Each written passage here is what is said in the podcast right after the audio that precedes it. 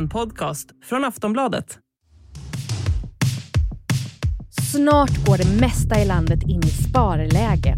Så även debatterna i riksdagen. Men det är sannerligen drama in i det sista. Kan det vara så att en viss liten politikpodd kommer bita sig fast i anklarna på kammarens skådespel likt utsvultna pirajor? Ja, det kan ni lita på. I dagens avsnitt bryter vi ner några av påståendena som har kastats runt likt molotov cocktails den senaste veckan för att se vem som har på fötterna och vem som bara snackar blaj. Det här är en runda till med Lena Melin, My Råvedder och mig, Soraya Hashim.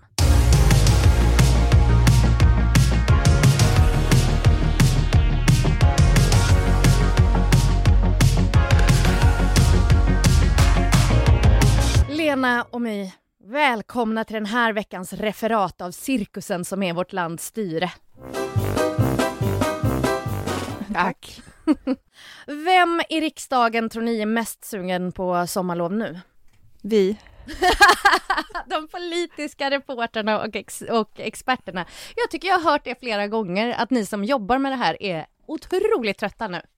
Det är för att det är de som har kontrollen. Det är de som gör saker. Vi bara får hänga på. Ni är under tummen ja, på dem. Ja, verkligen.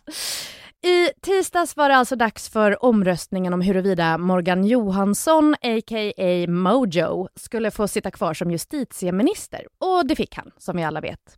Precis efteråt fick du, Lena, en fråga i Aftonbladet TV och du sa nog det som vi alla känner. Frågan var, vad skulle du vilja ställa för fråga till politikerna? Är du stolt nu? Typ allihopa? Ja. Vem tror du är stolt då? Jag hoppas ingen. och även om jag verkligen känner med din känsla här, Lena, vad var det du menade? Man vill ju ändå vara stolt över vad man liksom gör. Mm. Det, det, det, lyckas man inte med varje dag och inte ens kanske varje vecka, men då och då så, så infinner sig en viss typ av stolthet. Då är man glad. Här har de, både de som väckte misstroendevotum och regeringen, betett sig, måste jag säga, och på ett sätt som är föraktfullt mot väljarna, som inte gagnar någon utom möjligen Amineh Kakabaveh och är fullständigt meningslöst. Och då tycker jag att det skulle vara väldigt intressant att få veta om de tyckte att de har åstadkommit något bra. Men, men, men på tal om, om det där då, alltså hur mycket, hur mycket förtroende ska svenska folket förväntas ha för politiker när de beter sig på det här sättet? Jag tycker mycket lågt. Alltså att vara riksdagsledamot är ett jättefint uppdrag. Det är ungefär det finaste man kan få. Man har fått sina medmänniskors eh, förtroende att stifta de lagar som gäller, sätta de skatter som gäller och en hel massa andra beslut. Om man då förvaltar det på det sätt som tyvärr eh, allt för många gör, så då har man ingen, det, det finns ingen anledning att respektera dem. Att man håller på liksom, på vilket sätt? Liksom? Ja, det kan ju vara på alla möjliga sätt. Det kan ju vara som i Uppdrag granskning, att man så att säga håller på att småfiffla lite för att få lite extra pengar. Eller att man faktiskt eh, ja, igen, sätter igång en sån här misstroendeomröstning som gäller Morgan Johansson och där syftet är att tala om att eh, sätta, avsätta Morgan Johansson därför att han är en usel eh, justitieminister. Ja, men han har suttit nästan åtta år och var det kanske lite bättre om ni hade gjort det här tidigare då, om han är så fruktansvärt usel. Eventuellt. Eh, och inte fem i tolv när det, typ Morgan Johansson inte kommer att göra något mer före valet. Ja. Men, men tror du att det här kan skada demokratin i förlängningen? Att, att de håller på på det här sättet och att det eventuellt då skadar förtroendet för politiker? Jag tror att det ska mycket till för att det ska skada demokratin i det sättet att färre skulle rösta, vilket jag tänker är liksom den slutgiltiga skadan på demokratin. Vi har ju väldigt högt valdeltagande och förra valet 2018 var ju det högsta valdeltagandet på, på uh, två decennier. Mm. Egentligen är det bara, eller det högsta valdeltagandet sedan 1985 tror jag. Och egentligen har vi ju bara haft högre valdeltagande på 70-talet, så att på det sättet så det krävs ju mycket. Den svenska befolkningen är ju väldigt tåliga när det kommer till liksom den typen av demokrati. Men det är klart att de har ju, det här med politikerförakt, det, kommer, det, är ju ett problem. Det, är, det ser ju politikerna själva också, att de har väldigt lite, alltså de utsätts för ganska mycket påtryckningar, alltså hot, hat, där. Så det är klart att det här gör ju inte det lättare för dem att Lägger du skulden på dem för att de får hot och hat? Nej det gör jag inte, nej det gör jag inte, men det, det är ju ihopkopplat med det här med liksom politikerföraktet. Ja. Och det, man, man blir, det, det är klart, de tjänar mycket pengar, de syns mycket, de har mycket makt och då är ju klart att den här typen av politiskt spel som de själva säger att de inte vill syssla med, det blir väldigt svårt för väljarna att förstå. Mm. Men är, är det bara jag eller är stämningen extra spänd mellan partiledarna just nu? Inte mellan alla partiledare skulle inte jag säga, men, men just Magdalena Andersson och Ulf Kristersson efter sin jag säga, kärleksaffär där för några Mm. veckor sedan, där verkar det ha frostat till sig rejält. Som vanligt har ju både högern och vänstern kastat ut bombsäkra påståenden om sakers tillstånd före, under och efter den här misstroendeomröstningen.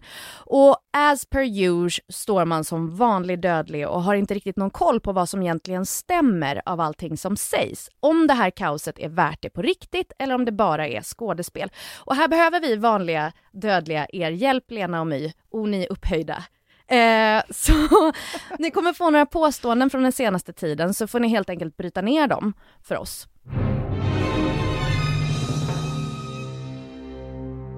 Vi börjar med ett påstående som är från Ulf Kristersson som har hängt kvar i mig sedan TV4s partiledardebatt i helgen. För det här är pudens kärna. Han är den sämsta justitieminister Sverige har haft under modern tid. Det här är alltså enligt högersidan det som motiverar allting som har hänt i veckan, att Morgan Johansson är så himla kass. Men hur mycket stämmer det här påståendet? Alltså, där, Ulf Kristersson, han jämför ju med brottsutvecklingen och det är klart att eh, eh, då kan man ju säga att resultatet på något sätt inte är så bra.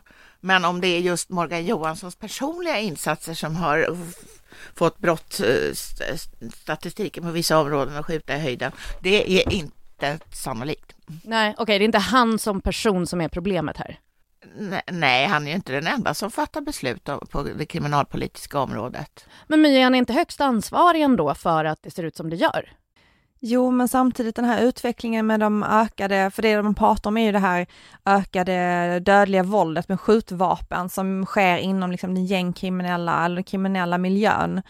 Eh, och där så har det ju ökat, men ökningen började ju typ för 2013, så att det har ju hänt saker innan dess. Så det han har misslyckats med är ju egentligen att bryta en trend som ändå har hänt i ett samhälle där alla politiker har varit med och styrt under den här tiden. Så att det är ju klart att han har en del i att den inte har vänt trenden, men som Lena säger, man kan ju inte, man kan ju liksom inte bryta ut det här ur ett vakuum från samhället. Vad är liksom samhällets del? Det är ju inte en enskild person som har, som har lett till det här resultatet. Och sen kan man ju säga att brottens orsaker kanske inte faller enbart under justitieministerns domvärjo heller. För att eh, det, det handlar ju om de här dåliga bostadsområdena med dåliga skolor och, och eh, låg sysselsättning och alla möjliga problem. Då skulle man ju kunna säga att Lena Hallengren då som socialminister har också kapitalt misslyckats och måste bort. Just det. Eh, Det är ungefär lika dumt det. Men det var ju Sverigedemokraterna som väckte det här misstroendet strax efter att konstitutionsutskottet kritiserat Morgan Johansson för att typ bete, bete sig dåligt på Twitter. Ungefär så formulerade du det, eh, Lena. Och sen så hakade Moderaterna, Kristdemokraterna och Liberalerna på. Vad vann de på det? Nu när ni liksom haft tid att smälta det här lite grann. Alltså jag tror att de ska vara glada att vanliga människor inte läser de här granskningarna som konstitutionsutskottet gör i det här fallet. Eh, för att jag tror att folk hade trott att hade tänkt att det här var ännu märkligare beteende utifrån det, eftersom det handlar väldigt mycket om att han hade i sociala medier eh, sagt siffror som sen inte visade sig stämma. Vissa av dem Vissa av dem visade sig Va? stämma på det sättet att han hade som säger använt siffror som inte stämmer. att han Vad hade använt säger fel ord. Liksom. När det handlade om så avhopparverksamheten så handlade det om att det var inte 80 avhoppare i Malmö stad utan det var op- 80 avhopparfall eller avhopparärenden istället. Så att, eh, men, men jag tycker att Ebba Busch uttryckte det ju ganska väl när hon sa att de kalkylerade att de hade mer att förlora på att inte hänga på det här misstroendet utifrån vad deras väljare tycker. Men att partiet egentligen inte alls tyckte att det här var en bra idé att starta en sån här process i valrörelsen Mm. under NATO-ansökan. Eh, så att eh, det beskriver väl ganska väl, tyckte jag, vad det var som hände. Att det handlar bara om liksom, röster här.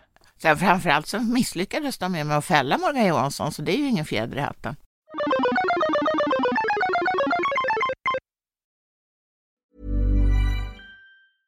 Selling a little or a lot? Shopify helps you do your thing however you cha-ching. Shopify is the global commerce platform that helps you sell at every stage of your business. From the launch your online shop stage to the first real life store stage, all the way to the did we just hit a million orders stage. Shopify is there to help you grow. Shopify helps you turn browsers into buyers with the internet's best converting checkout. 36% better on average compared to other leading commerce platforms because businesses that grow grow with Shopify. Get a $1 per month trial period at shopify.com/work. shopify.com/work. Nästa grej som jag inte kan släppa är Magdalena Anderssons motdrag när hon höll presskonferens och då lät det så här. Men vad innebär det då om de lyckas samla en majoritet bakom det här misstroendet? Ja, då blir det regeringskris. Och det är inte vad Sverige behöver nu. Kommer du avgå då menar du? Självklart. Är det så självklart att en hel regering ska avgå om en minister blir avsatt? Nej, det är inte en självklarhet för att det, det är ju bara ministern. I det fallet det handlar om en, alltså en minister och inte en statsminister, då är det bara minister som behöver avgå. Men hon gjorde ju tolkningen att det här, eh, det som eh, misstroendevotumet gällde i, i praktiken var regeringens politik på det här området och alltså så var det riktat mot hela regeringen eftersom regeringen fattar kollektiva beslut. Men framför allt så var hon väl rasande i största allmänhet och ville klösa ögonen ur honom. Välbekant känsla. Men vad, vad liksom, hur mycket av det tänker ni var ett politiskt spel? Att, att hon höjer insatsen tillbaka? Men det är klart att det också var ett politiskt spel. Men jag tror att grundtonen i det politiska spelet var ändå någonting allvarligare och det var det här som hon sen uttryckte häromdagen efter misstroendevoteringen. Att det är inte heller oppositionen som ska bestämma vem som ska vara minister i en regering. Eftersom när det har skett misstroendeförklaringar eh, förklaringar tidigare så har det ofta handlat om en enskild händelse. Hon tog upp Transportstyrelsen till exempel. Då var det en minister som hade fuckat upp, som Mm. hade gjort någonting fel. Då är, det, då är det mer uppenbart att det är den personen man röstar om förtroendet. Men att eftersom det här handlar om politiken så är det liksom ett större ansvar och då ska inte oppositionen kunna bestämma vem som ska vara minister och att hon tyckte att det var eh, viktigt att hålla på den principen. Och det kan man ju ändå förstå, att man inte ska sitta i oppositionens knä och att de ska kunna säga så här, "Nej, men gillar vi inte den här ministern, så då röstar vi bort dem. På tal då om oppositionens roll. Det var ju en diskussion om, om vem som var mest oansvarig i det här dramat, om huruvida det var oppositionen som väckte frågan eller regeringen som hotade att avgå. Och förra veckan sa ni båda två att det var oppositionen som skulle stå längst i skamvrån. Men Svenska Dagbladets politiska chefredaktör Tove Livendal sa någonting spännande i P1. Och det är inte oansvarigt av en opposition att försöka välta regeringen, det är dess plikt i en demokrati. Håller ni med om det? Är det oppositionens plikt att fälla regeringen? Nej, det tycker inte jag. Nej. Och dessutom var det inte det som var det uttalade syftet med det här enligt de partier som stod bakom den här misstroendeförklaringen eller röstade emot uh, Morgan Johansson. Utan, uh, De vill ju bara bli av med honom. Ja, därför att han var allmänt usel och dålig och borde stå i skamvrån tio år. Nej men och det är klart att om det är så att oppositionen har en möjlighet att avsätta en regering för att kunna ta makten själv, ja men då förstår jag att man kan uttrycka det som att det är en del av demokratin. Men vi har ju varit igenom det här så många gånger nu den här mandatperioden. Och det är att det finns inget alternativ. Ulf Kristersson har inget alternativ att regera. När han har fått chans flera Han gånger. har fått men- chansen, det här, liksom, han har fått chansen tre gånger att då visa att han har ett regeringsalternativ med den här mandatfördelningen som finns. Och han har inte lyckats göra det. Så det här med att liksom fortsätta tjafsa om att han är beredd att avsätta den här regeringen vilken dag som helst, det är ju inte sant. Alltså det kan han ju inte göra helt uppenbarligen. Och i den situationen så är det ju klart att det är ju inte det som Tove Livendal kan prata om. Nej. Att liksom, att hon vill göra kaos. För att använda ett populärt uttryck just nu. Utan det handlar väl om man faktiskt har det här som kallas för ett konstruktivt misstroende då, att man har ett alternativ som man kommer med om man röstar bort eh, eller liksom destabiliserar en regering. Men man kan ju bara backa bandet ett år tillbaka, så förra sommaren, då lyckades ju oppositionen fälla regeringen. Mm. Eh, Men eh, det blev ju inget regeringsskifte, utan det var ju bara, det var ju bara, blev ju bara larv. Mm. Eftersom Ulf Kristersson, precis som du säger, han lyckades ju inte skrapa ihop en regering. Nej, just det. Igen. På tal om ansvar då. Statsvetaren Jan Theorell sa till Aftonbladet att den politiska vilden Amineh Kakabaveh också bär tungt ansvar. Det är inte Jan själv som pratar i det här klippet utan vi lånade producent Olivias röst för effekt. Att hon använder den här situationen för att få ett individuellt personligt inflytande över politiken är anmärkningsvärt. Och det är inte så vårt system är tänkt att fungera. Det är ett demokratiproblem och hon bär ett personligt ansvar som man måste kritisera. Håller ni med om den analysen? Nej, hon- hon vill verka i en viss riktning, som, som, eh, speciellt som vill det, alltså en enskild ledamot utan något stöd av ett partikansli. Då måste hon greppa de, de situationer eller de chanser hon får. Och det, nu, nu har hon ju inte ens utökat sitt mandat utan har bara sett till att ett gammalt avtal ska in, hållas. Det tycker jag ändå är ganska rimligt. Så du tycker hon gör sitt jobb? Ja. Håller du med om det? Min? Ja, men jag håller med. Varför skulle hon avsäga sig makt? Ja, för jag funderar på det, om det inte är just allas ansvar att, att försöka klämma ur så mycket politik man kan så länge man sitter i riksdagen.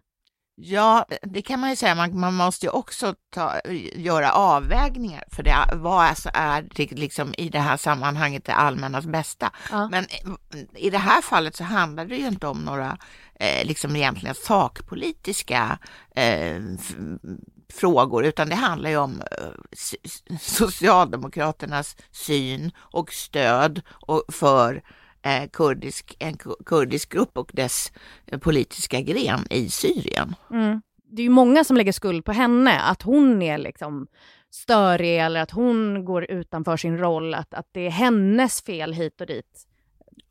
Och förlåt för ytterligare ett ämne, hedersproblematik. Det Ja, ligger henne varmt om ja. hjärtat också. Nej, men jag, jag tycker inte, det borde begära för mycket att hon ska sitta passiv och inte försöka få någonting gjort. Och det var ju inte så att hon krävde något mer den här gången. Hon krävde bara att det gamla avtalet skulle hållas. Men alltså, det är ju väldigt mycket som är att det är andras fel i hela den här situationen. Bra talat. ja, alla lägger skuld på varandra. Varför gör man det då? Varför tar man inte ansvar själv? Nej, för det, jag, jag tror att egentligen är det ju ingen som vill ha det så här, men det politiska spelet, det som politiker själva säger att de inte vill syssla med, det är så otroligt närvarande för tillfället. Eftersom det finns chanser att göra det liksom svårt i riksdagen på grund av mandatfördelningen. Så att eh, de kan liksom inte hålla sig, fast de vet, de vet att det här inte gagnar någon egentligen och inte ger några resultat. Men Annie Lööf är vi ju annars... jättemycket att prata om i vår podd. Ja, nej men vi, jag är ju tacksam. Men, men alltså Annie Lööf är ju annars den som jag upplever senaste veckan verkligen har varit så här, nej men hörni, nu är det bra att vi alla kan liksom prata med varandra, det är bra om man tar ett steg tillbaka. Alltså hon försöker ju verkligen vara den vuxna i rummet och Magdalena Andersson håller på och ger henne eloge för det hela tiden. Eh, Är det Annie som ska ha cred mest i den här situationen? Ja, till, hon tillhör i alla fall inte de som direkt har eldat på den här, eh, den här karusellen. Men guldstjärnor har jag inte spridas från dig. Men både hon och Nooshi Dadgostar har ju varit eh, ganska lugna och resonliga i den här, under den här processen. Nästa onsdag ska riksdagen rösta om vårändringsbudgeten och det kan bli som sist att en socialdemokratisk regering får regera på oppositionens budget. Det här var ju inte Nooshi Dadgostar sen på att peka ut för Annie Lööf igår. Kommer Annie Lööf att medverka till att det är den högernationalistiska budgeten som går igenom Sveriges riksdag eh, nästa vecka? Annie själv svarar såklart att hon kommer ju rösta på sin egen budget. Eh, vad är sannolikheten att Amineh Kakabaveh blir tungan på vågen nästa vecka igen?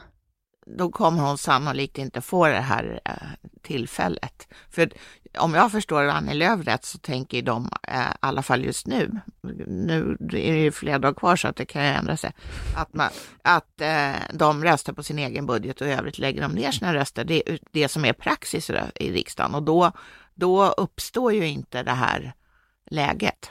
Att Kakabaveh blir tunga på vågen. Så förhoppningsvis blir det inte drama från, från det hållet. Men den politiska vilden Roger Richtoff, som tidigare var sverigedemokrat, har nu gått ut och sagt att han kanske kan tänka sig rösta på Socialdemokraternas budget. Han kände så här, nu har en vilde fått för mycket uppmärksamhet, ja. nu är det dags för den andra vilden. Hello! Kommer han in stormande genom dörren, har ni träffat mig? Japp. Ja, men ja, det är liksom ändå ingen som bryr sig så himla mycket. Magdalena Andersson har ju visat att hon tycker det är okej okay att regera på en budget som har blivit e- delvis ändrad av oppositionen och att det kanske till och med kan sätta lite eld på sossarnas valrörelse, att de kan säga att, ja men titta här, det här hade vi erbjudit, men nu har oppositionen tagit bort det. De ser sig själva lite som vinnare oavsett hur saker och ting går. Det, det måste vara fantastiskt att ha den inställningen ja, till verkligen. livet. Men så sent som igår var det ju så att ett av regeringens liksom, löften till väljarna eh, röstades ner. Det var den här tusenlappen till alla bilägare.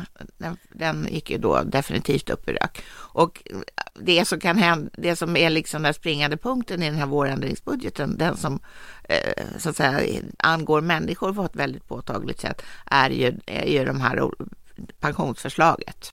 Vad förväntar vi oss för drama där? Det är inte klart än Nej. hur det blir. Det kan avgöras då.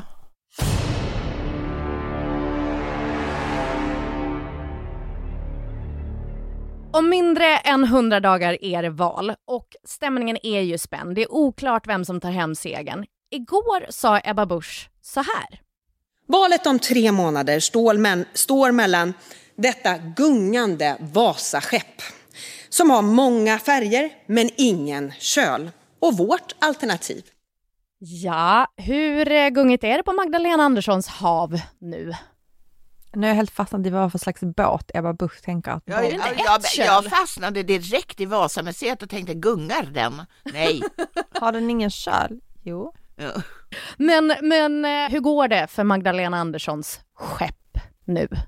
Ja men alltså hon är ju en mycket stabil kapten, så att även om det svajar så lyckas hon ju styra det där skeppet framåt. Mm. Eh, om man tittar på opinionen ganska framgångsrikt. Men hon menar väl då att liksom de inte har något riktigt alternativ? För det, det har de ju dragit fram några gånger nu att vi... Några gånger?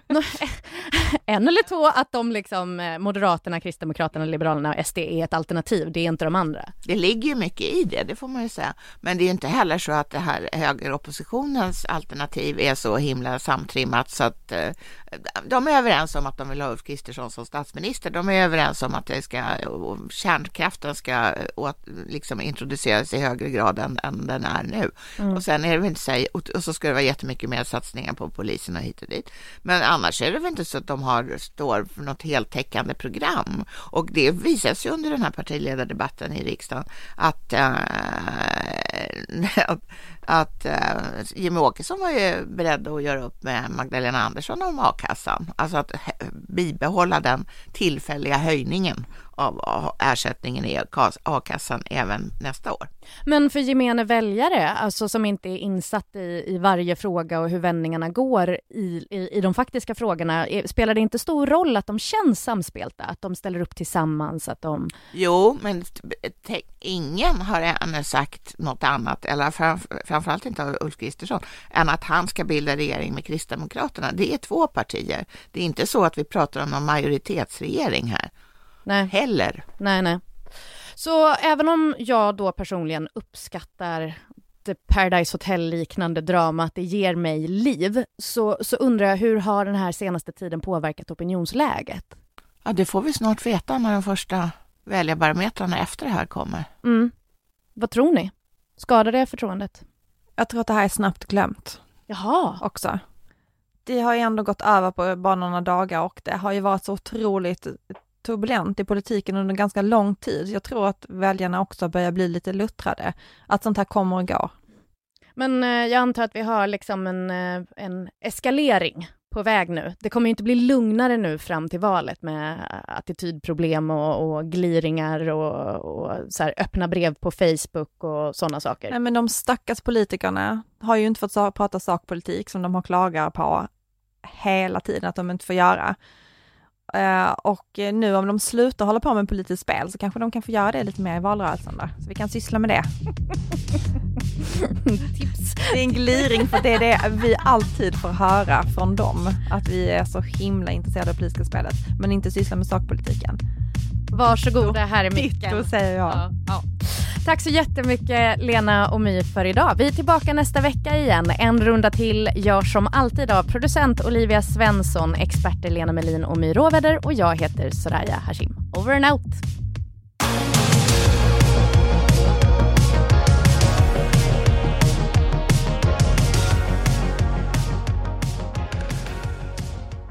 Du har lyssnat på en podcast från Aftonbladet. Ansvarig utgivare är Lena K Samuelsson.